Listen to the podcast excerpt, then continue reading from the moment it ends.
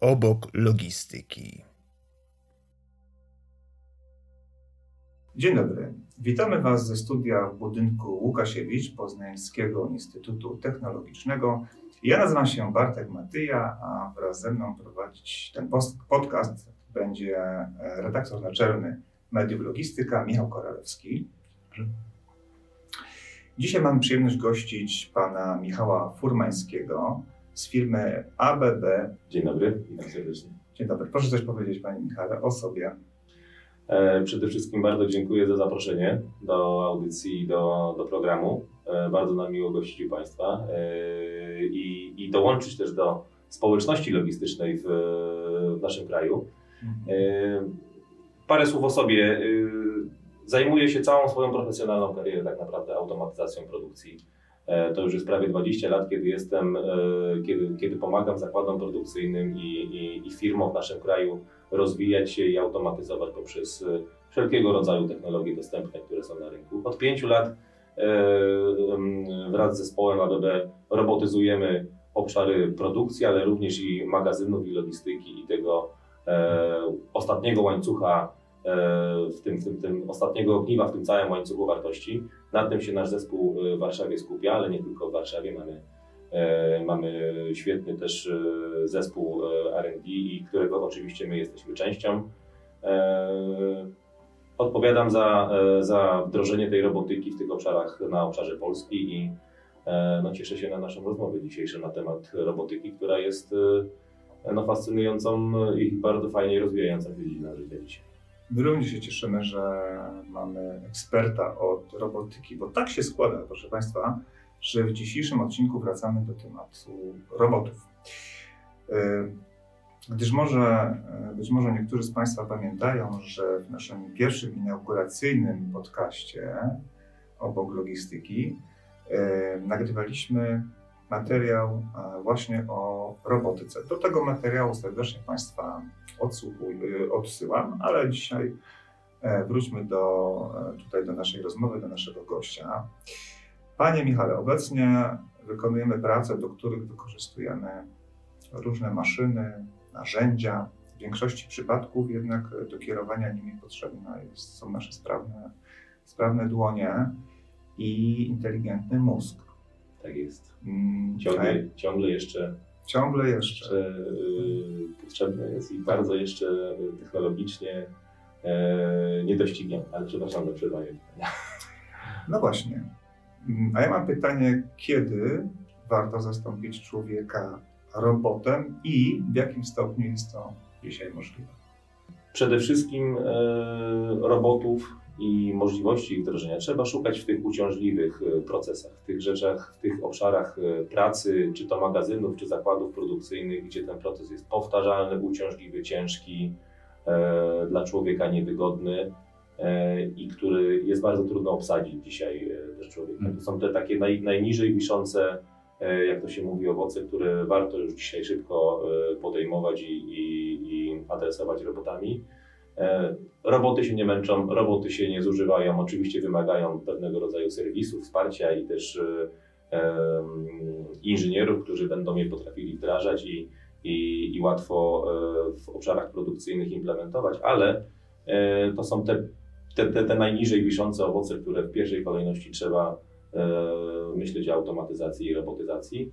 E, nikt już dzisiaj z nas nie chce wykonywać żmudnych, powtarzalnych prac, które męczą, nad którymi trzeba się skupiać przez 8, e, przez 8 godzin, którymi trzeba wytężać swoje e, mięśnie, plecy do tego, żeby coś przekładać z punktu A do punktu B. Ludzie dzisiaj też, my jako, jako jako uczestnicy też rynku pracy chcemy robić pracę ciekawsze, ambitniejsze, chcemy robić rzeczy, które nas w jakiś sposób rozwijają. I, i, I, trudno jest e, dzisiaj obsadzić zakładom produkcyjnym te miejsca. Robotyzacja świetnie się tutaj znajduje i to jest ten, ten taki podstawowy obszar, który w pierwszej kolejności należałoby rozpocząć i też jest to też miejsce, są też miejsca, w których najłatwiej jest zacząć. E, bym powiedział, bo to są trudne, ciężkie e, procesy. Je też jest w miarę łatwo zautomatyzować i tym samym też siebie jako użytkownika robotyki do tej robotyki i swój zakład do tej robotyki transformować i go przekształcić. Więc to są takie, uważam, pierwsze obszary, których y, warto Mhm. rozpoczynać. Mhm. Y, Całkiem niedawno przeprowadzaliśmy rozmowy z przedsiębiorcami w Polsce, y, pytając ich właśnie, jakie są powody, dla których inwestują w robotyzację swoich procesów. Najczęściej padały argumenty dotyczące właśnie braku wykwalifikowanej kadry, y, optymalizacji kosztów, albo tak jak Pan właśnie mówi, związane z chęcią zastąpienia pracownika przy żmudnych, prostych, powtarzalnych czynnościach. E, Jakie korzyści jeszcze dodatkowo przynosi e, robotyzowanie procesów, na przykład w magazynach albo w centrach dystrybucyjnych? E, No przede wszystkim, e, tak jak powiedziałem, ta praca staje się dużo mniej uciążliwa. To z- tak z obszaru e, wymiaru ludzkiego i tej takiej e, uciążliwości pracy. Ale oczywiście dla samych przedsiębiorców no to jest duża, e, dużo większa odporność na wszelkiego rodzaju zakłócenia, z których dzisiaj coraz więcej też widzimy w naszym, e, w naszym otoczeniu. To znaczy mamy e, szalejące wirusy, mamy problemy z dostępnością pewnych komponentów, to co powiedziałem, też dostęp do, do zasobów ludzkich jest też ograniczony. Praca, koszty pracy, koszty pracy rosną. Natomiast koszty wdrożeń stosunkowo też e, maleją, bo pozostają na tym samym poziomie i tym samym ta różnica między, między tymi kosztami pracy a, a wdrożeniem automatyzacji się niweluje. I myślę, że tak z punktu widzenia też e, samych przedsiębiorców istotne jest to, aby, że ta robotyzacja też daje na przyszłość e, taką możliwość skalowania, rozbudowywania tego, co, e, co raz już się sprawdziło, łatwo, łatwego nabudowania i tym samym odpowiedzenia na tą zmienność, którą dzisiaj mamy w obszarze magazynów i logistyki, gdzie dzisiaj ta e, potrzeby, nie wiemy tak naprawdę, jakie będzie miał magazyn potrzeby za rok, za dwa, ponieważ ta dynamika wynikająca z tego, z ró- różnorodności kanałów sprzedaży, z e, dynamicznego e-commerce'u, z sezonowości tej sprzedaży jest bardzo zmienna i, i ta robotyka to pomaga złagodzić te e, sinusoidy, z którymi się, e, z którymi się przedsiębiorcy muszą dzisiaj mierzyć. To a propos tych potrzeb, o których Pan przed chwilą mówił, tutaj sobie wypisałem pewne dane statystyczne. Międzynarodowa Federacja Robotyki IFR policzyła roboty przemysłowe zatrudnione w fabrykach na całym świecie. Tutaj, proszę Państwa, z 3 milionów maszyn e, 70% być może Państwa zaskoczę, działa w Azji, czyli e, w rejonie z największą liczbą ludności. A tylko 18% w Europie, reszta to jest, e, to jest Ameryka. E, No, cóż za paradoks. W 40-milionowej Polsce odnotowano spadek robotyzacji, e, za to w najludniejszych Chinach wzrost. No i czym jest, czym jest spowodowana ta dysproporcja? Ja myślę, że tutaj pewnie to jest suma kilku czynników. Ja bym też chyba tutaj pierwszej kolejności zwrócił uwagę też na trochę profil poszczególnych gospodarek. Y, Gospodarki azjatyckie to są gospodarki też y, skupione na tej takiej, nazwijmy to powtarzalnej, wysokowolumowej wolumowej branży, czyli automotive, ale przede wszystkim elektronika.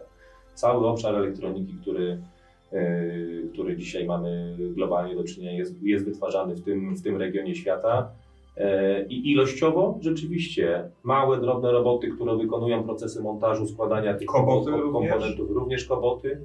E, Ilościowo e, są wdrażane w tysiącach sztuk w, regionie Azji, Południowa Kore, e, Korea Południowa, Japonia, Chin? Chiny również, Singapur, tak, świetnie uprzemysłowione i zrobotyzowane kraje. Natomiast porównując do tego e, Polskę, która być może jest na drugiej szali tego, e, tego obrazka, jest e, Polska, który nawet w swoim regionie, regionie jest krajem raczej przodującym w obszarze wytwarzania żywności, napoi, czyli takich no, branżach trochę niewdzięcznych pod automatyzację ze względu na trochę nieregularność swoich produktów, trochę na innego rodzaju procesy, które się tam dzieją.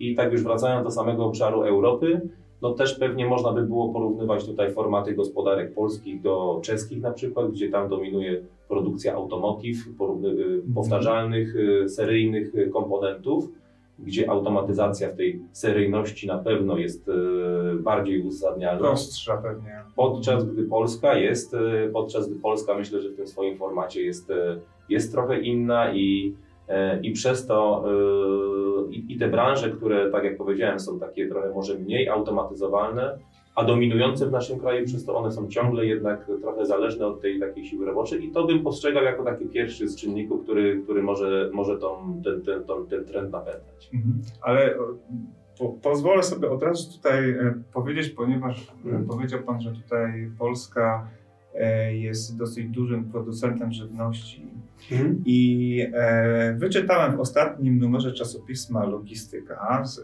pierwszy, e, numer 1 2022 z marca tego roku, który traktuje o, roboty, o robotyzacji, do którego Państwa serdecznie odsyłamy, że całkiem niedawno Tak. ABB zrobotyzowało logistykę e, w, w, w branży logistyki świeżej żywności.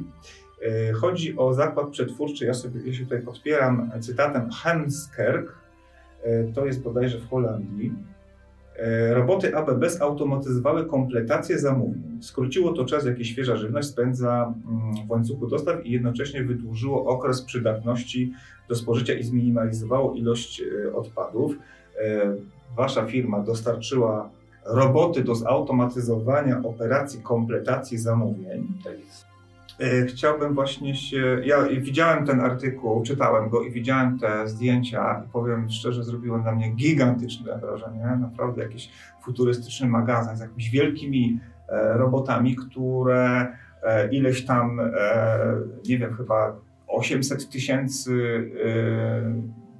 nie wiem jak to nazwać, paczek, obiektów tych żywnościowych dziennie potrafiły przygotować. To są jakieś niesamowite skale.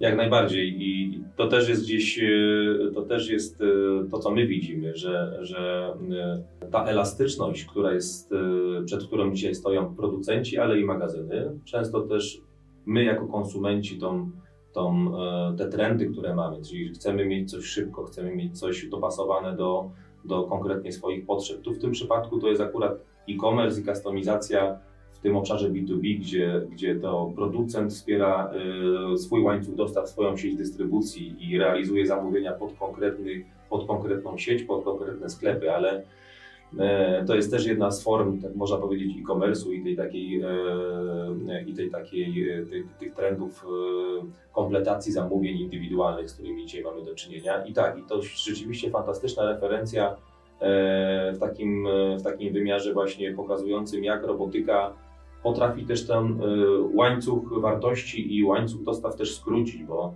bo wcześniej był dodatkowy w pełni manualny proces, który, który był wykonywany przez sztab e, ludzi w bardzo niekorzystnych, niekomfortowych warunkach, Dokładnie, w chłodniach. dokładnie. O, o tym Pan wcześniej mówił właśnie. E, o, tak o jest, tych bo, bo to nie tylko ciężary do przenoszenia, ale również i atmosfera. Wiemy dzisiaj, że tych magazynów z żywnością, świeża żywność musi być chłodzona. e, Tam wilgotność musi być mo- monitorowana. Do, Tam dokładnie tak. Często Niesamowite są mamy- jakieś e, restrykcje, jeśli chodzi o, o Dokładnie. te warunki środowiskowe. Niektóre z magazynów oczywiście musimy sobie radzić też i z tą mrożoną częścią produktów, które też muszą e, do, do, do sklepu zostać dostarczone. I tutaj tak, rzeczywiście w tym przypadku udało się e, cały ten proces e, kompletacji tych zamówień, który do tej pory się w tych takich bardzo niekomfortowych warunkach odbywał, e, zautomatyzować takim innowacyjnym rozwiązaniem, trochę też inspirowanym e, tym takim powszechnie też z logistyki znanym e, rozwiązaniem buforów czy to mini loadów. Tutaj zastosowano roboty, które dały też trochę większą odporność na takie e, zakłócenia, powiedziałbym, sezonowe, bo, bo to też jest jakiś sezonowy produkt, to też jest zmienność w ilościach e, na przykroju całego roku. Robotyka tutaj pozwoliła w tym przypadku e, trochę tą e, zmienność wygładzić i, i, i tym samym to rozwiązanie mogło być też jeszcze bardziej kompaktowe. E, Ale tak, e, fantastyczny projekt e, z niespotykanym jak na obszar magazynów i samej logistyki zwrotem z tej inwestycji, bo no tutaj to oczywiście pomijając fakt, że to Benelux, kraj zachodni, koszt Tak.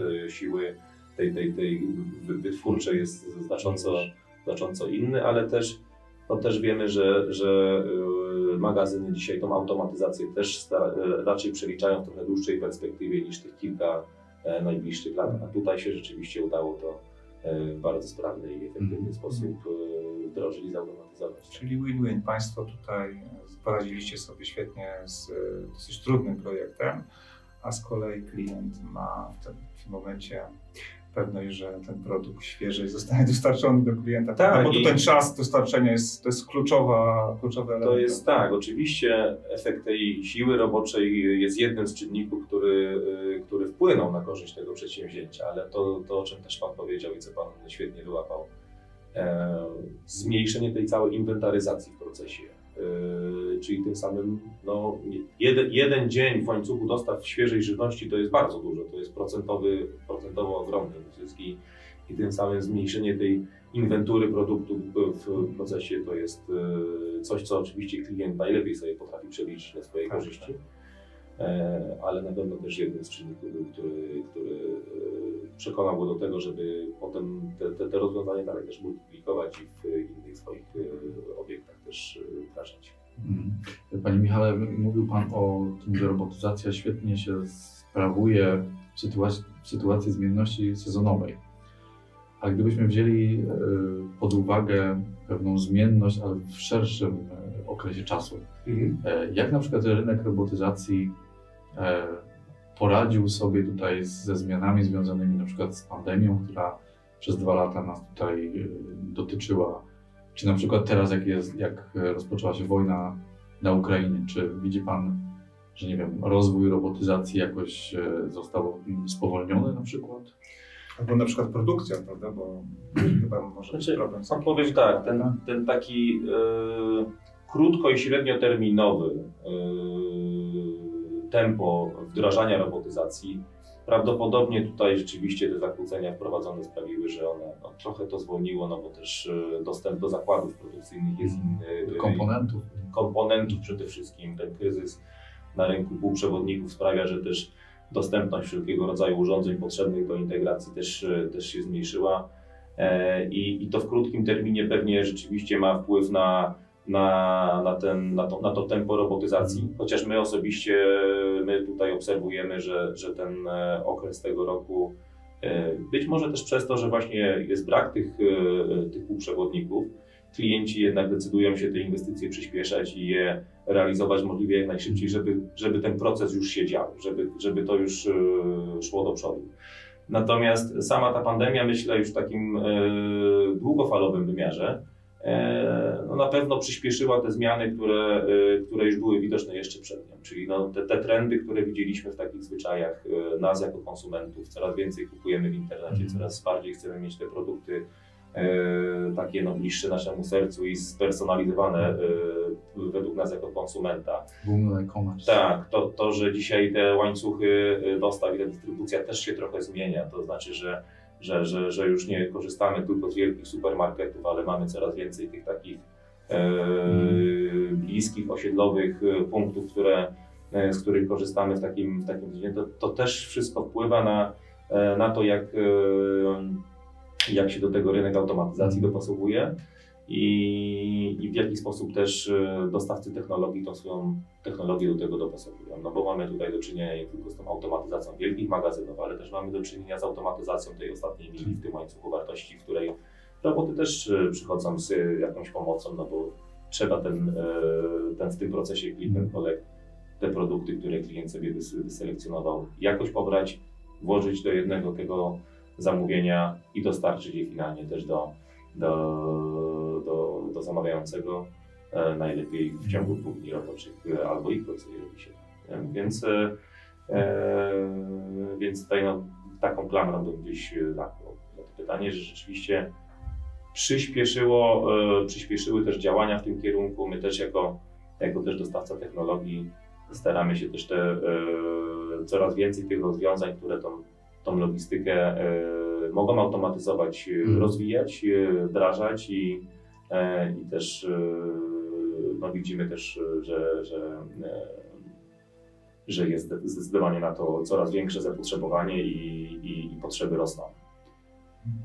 Y, Mówiliśmy wcześniej o tych różnicach pomiędzy rynkiem azjatyckim, europejskim, również y, amerykańskim, jeśli chodzi o mm, urobotyzowienie. Y, Skupmy się na rynku europejskim.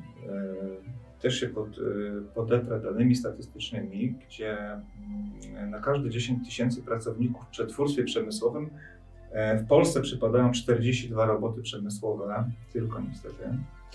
E, Z kolei w najbardziej zrobotyzowanej w e, Europie Szwecji aż 261 wynosi ten współczynnik robotów. No i zajmujemy pod tym względem w Unii Europejskiej e, 16 no, dalekie miejsce, nie ukrywajmy, jak na wielkość naszego kraju i potencjał e, gospodarczy naszego kraju.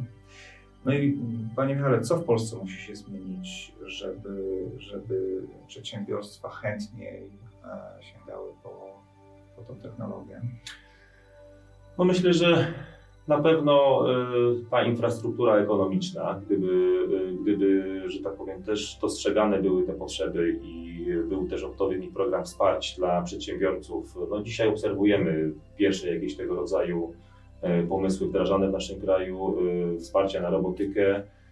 To, to zdecydowanie pomoże, to zdecydowanie gdzieś ułatwi, ułatwi przedsiębiorcom też się tym interesować i też to wdrażać. Natomiast ja myślę, że też innym takim wymiarem tej, tej robotyzacji i, i, i to jest gdzieś też trochę odpowiedzialność pewnie rynku robotyki, ale też i pewnie trochę samorządów i, i, i, e, i też pewnie przedsiębiorców, którzy z tej robotyki mają korzystać, jest takie budowanie platformy edukacyjnej dla, dla Właśnie innych- dla, dla innych- świadomość, prawda? Świadomość, tak. Tej technologii.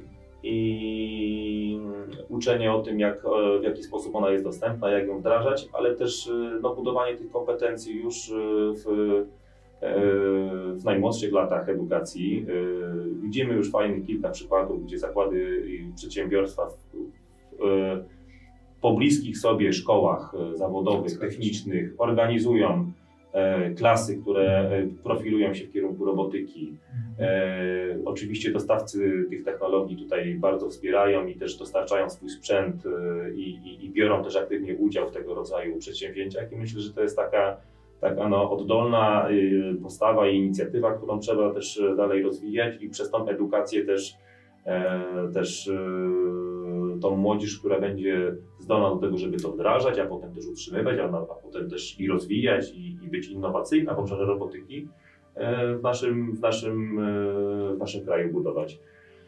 E, I myślę, że tutaj to jest taki czynnik, na który mamy my, jako uczestnicy tego rynku, jakiś bezpośredni wpływ i na który, na który możemy działać i coś wokół tego robić. No oczywiście możemy też mieć co, trochę większe oczekiwania co do, co, do, co do rządu, co do samorządu, tego, że będą to wspierać. Wsparcie Natomiast państwowe bardziej. wsparcie, było. wsparcie państwowe Tym bardziej, że jest nacisk na nowoczesne technologie, prawda? Słyszymy to Tak jest. we wszystkich Jak one będą, to super, natomiast y, ja bym tutaj też y, chciał podkreślić, że nie ma co być może na to czekać, tylko no, Robić swoje. trzeba po prostu sprawy wziąć w swoje ręce, żeby, y, żeby to przyspieszyło. Nie? I, I myślę też, że dla, dla tych nowych ludzi, którzy potem wchodzą na ten rynek pracy, też ta, ta praca z czymś, y, co jest takie nowoczesne, to też jest dla nich y, coś dużo bardziej atrakcyjnego niż y, to jest też jakiś taki e, katalizator tego, jak, jak się chcą rozwijać, w jakim kierunku chcą iść, e, że chcą robić dzisiaj młodzi ludzie coraz ciekawsze rzeczy. Mhm. Jak to młodzi e, mówią, sexy, to jest sexy po prostu. To jest, to jest sexy. e, Robotyka, informatyzacja, oprogramowanie, cały ten, e, ten, ten bi biznes, to jest coś, co chyba ich kręci, prawda? To, to pokolenie digital native. Zdecydowanie tak, zdecydowanie tak i, i e, trzeba im też te możliwości e, stworzyć do tego, żeby się mieli gdzie uczyć, do tego, żeby mieli gdzie swoje pasje i zainteresowania. Tak jest. Tak, Pan chciał zadać jakieś pytanie? Tak, za- zainteresowało mnie to, co Pan powiedział, że jest coraz więcej szkół, które zajmują się właśnie robotyzacją, czy uczą młodych ludzi e, jakiegoś takiego podejścia do, do, do robotyki. E, Skoro mamy ich coraz więcej i coraz więcej tych robotów pojawia się w różnych firmach, w różnych e, magazynach, centrach dystrybucyjnych czy, czy w innych branżach, E, Zastanawia mnie na przykład coś takiego, czy powstają już jakieś takie zespoły interoperacyjne, które składają się właśnie nie wiem, z pracowników, z robotów i, i powstają takie zespoły Human Robot Teams. E, Znaczy, na, na pewno my widzimy tego rodzaju zespoły obecne tych takich procesach produkcyjnych, bo my też e, podchodząc do automatyzacji procesów, do jej robotyzacji, też zawsze ten proces staramy się określić od takiego właśnie, zaszeregować go w jakiś typ e, tej interakcji między człowiekiem a robotem. E, I jednym z tych takich e, typów tej współpracy jest to, gdzie robot wspólnie z człowiekiem Mhm. pracują nad jednym elementem. Współdzielą nie tylko tą przestrzeń roboczą, ale współdzielą również ten, ten obiekt, nad którym oboje jednocześnie pracują. E, I to jest ten oczywiście najwyższy poziom kolaboracyjności i tej e, takiej powiedzmy sobie też e, współpracy. I, i, tutaj na pewno można mówić o takim zespole, gdzie, gdzie, gdzie, gdzie robot i człowiek e, pracują nad jednym e, wspólnym zadaniem. Mhm. E, Trochę pewnie innym obszarem jest to, jak, e, jak e, kiedy, kiedy roboty e, działają w pewnym wyznaczonym dla siebie miejscu, obszarze i, i każdy z nich e, musi wykonywać swoje zadania, jednocześnie nie przeszkadzając temu drugiemu użytkownikowi e, w tym wszystkim. E, Wracając jakby do, e, do, do, do Pańskiego pytania, czy, czy, czy te zespoły istnieją? Oczywiście, że tak i, i, e, i coraz więcej tej takiej e, interakcji e, między, między ludźmi i maszynami jest i, i one się stają coraz tak, że tak powiem, bardziej kolegami z pracy, te roboty e, u nas. Nie wiem, czy do końca udało mi się odpowiedzieć na Pańskie pytanie, czy nie zgubiłem gdzieś. To ja, to ja pociągnę ten temat. wątku. pociągnę ten temat, to e, jak firmy przygotowują się do, takiego, przy- do takiej współpracy ludzi z robotami, żeby się ze sobą zaprzyjaźnili, e, czy w tym przypadku, mówię już o jakimś e, systemie pracy, Mhm. jest jakiś, e, wydaje mi się, że powinien być jakiś e, założony czynnik ludz, błędu, przynajmniej Mhm. ludzkiego, prawda? Bo robot, powiedzmy, e, gdy jest zaprogramowany, dopóki wszystko działa, e, raczej się nie pomyli, ale to człowiek może w tym przypadku być tym słabszym ogniwem i musi być jakiś system, który będzie reagował e, w oprogramowaniu tego robota. Tak Na błędy człowieka. Tak jest. Tak jest. Są takie. e, Oczywiście, oczywiście dzisiaj y, ta, to bezpieczeństwo jest y, ciągle naj, najwyższym priorytetem y, nie maszyn, oczywiście, tylko tych ludzi, którzy wokół tych robotów i, i urządzeń pracują.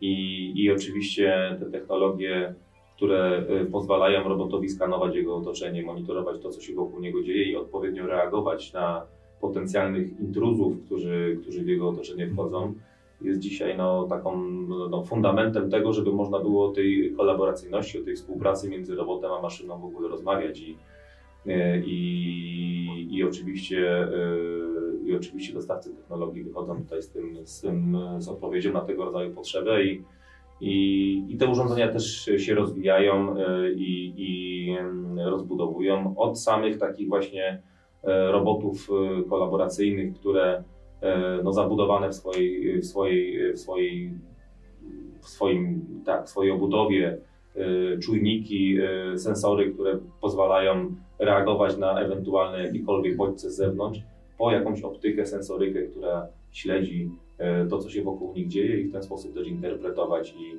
dostosowywać swoje zachowanie do tego, co się dzieje. Więc jak najbardziej tak, e, to jest też e, jedna z, tej, e, z tych dziedzin takich technologicznych, które e, no, które trzeba równie też e, szybko i dynamicznie rozwijać po to, żeby te roboty mogły jeszcze bliżej nas, e, bliżej nas być. Mhm. E, No, wspomniana tutaj wcześniej przez, e, przez Panów e, Międzynarodowa Federacja Robotyki szacuje, że w ciągu najbliższych trzech lat, czyli do 2025 roku, e, na świecie będzie funkcjonowało już 4 miliony robotów przemysłowych. E, Coraz większy nacisk się kładzie na e, badania nad zastosowaniem sztucznej inteligencji właśnie, właśnie w robotyce. E, Jakie są Pana przewidywania? Czego się możemy spodziewać w najbliższych 3-4 latach? No, ja widząc to, y, gdzie też my, jako dostawca technologii, inwestujemy swoją energię, to, to zdecydowanie to jest właśnie to dążenie. Ja tak też chyba w pierwszym pytaniu pozwoliłem sobie przerwać Panu wypowiedź, że to jest to dążenie do tej e, doskonałości, jaką dostarcza ludzkie oko i, i ludzka ręka. Ta zręczność. y, ta zręczność, y, która jest no, e, perfekcyjnie przez naturę opracowana. I Tak, oko się- jest uznawane przez biologów, ewolucjonistów, za- ludzkie oko za cud natury. Na razie przynajmniej, dopóki nie zbudowano czegoś lepszego, prawda? Tak jest, tak jest, więc, E, To jest, ta, to jest ten ideał, do którego wszyscy, e, wszyscy mm, producenci rozwijający jakąkolwiek technologię dążą. E, Daleko nam oczywiście jeszcze do tego ideału ludzkiego oka, daleko nam do ideału ludzkiej ręki, jej zręczności, e, wielokrotności, e, stopni swobody, którą, z którą mamy do czynienia e, e, w, w naszej ręce. Ale myślę, że to jest ten kierunek, który technologia będzie rozwijała. Więc Coraz więcej widzimy firm technologicznych, które właśnie pracują nad sztuczną inteligencją, które przede wszystkim mają coraz bardziej doskonałe systemy wizyjne, potrafiące rozpoznać to, co przed nimi i ten Mhm. obraz w odpowiedni sposób w czasie rzeczywistym przeprocesować i tym samym e, skonfrontować go z e, bazami danych, z którymi, z którymi ten system, z których ten system korzysta i jednocześnie w bardzo krótkim czasie przetworzyć to na język robota, który ten, ten, z, z, ten obraz będzie potrafił Mhm. e, przeprocesować, że się tak wyrażę, na, na ruch tego ramienia i wydać robotowi komendę do tego, że ma coś e, zrobić, pobrać z danego miejsca i przenieść je w inny punkt. Myślę, że to jest to, jest, e, to, jest to nad, czym, e, nad czym dzisiaj ten świat technologii pracuje i to jest coś, co ten takie, to ramię robota uzupełniane o tą sztuczną inteligencję na pewno będzie coraz doskonalsze w tych najbliższych latach. Myślę, że ten, to, to, to nie będziemy szli bardziej w stronę coraz bardziej złożonych, rozwiniętych ramion robotycznych. Oczywiście to też, bo zastępowanie, dodawanie kol- kolejnych e, e, stopni swobody w tych, e, w tych ramionach robotycznych też jest takim procesem. Myślę jednak, że, że właśnie te, ta, ta, ta zręczność ludzkiego oka i ręki to jest, to, jest to, co, czym, czym inżynierowie będą się przez najbliższe lata e, zajmować i czym na pewno nas e, e, będą zaskakiwać też w najbliższych 50 latach. Mhm. Czy są jakieś branże, których nie da się zrobotyzować? Dzisiaj trudno sobie to wyobrazić rzeczywiście, no bo y, roboty latają na Księżyc, y, eksplorują kosmos, y, eksplorują oceany. Y, mamy je w branży medycznej, pomagają roboty wykonywać operacje y, na ludzkim organizmie. Y, oczywiście są jeszcze pewne procesy, pewne rzeczy, z którymi, tak jak powiedziałem, jeszcze, jeszcze sobie technologie nie radzą. Takie proste, banalne czasami zadania, jak jak na przykład transparentność opakowań, e, ich połyskliwość, kamery e, czasami sobie nie radzą z rozpoznawaniem tych rzeczy. E, I, I pewnie są takie bardzo niszowe gdzieś obszary, natomiast e, których, których, których robotyka jeszcze dzisiaj dotknąć nie może. Natomiast em, myśląc tak o szerokim spektrum dziedzin wszystkich, z którymi mamy wokół nas do czynienia, to, to jakieś obszary każdego z tych spektrum na pewno roboty, robotyka może, może dotknąć i przyjść tam z, z pomocą i odsieczą.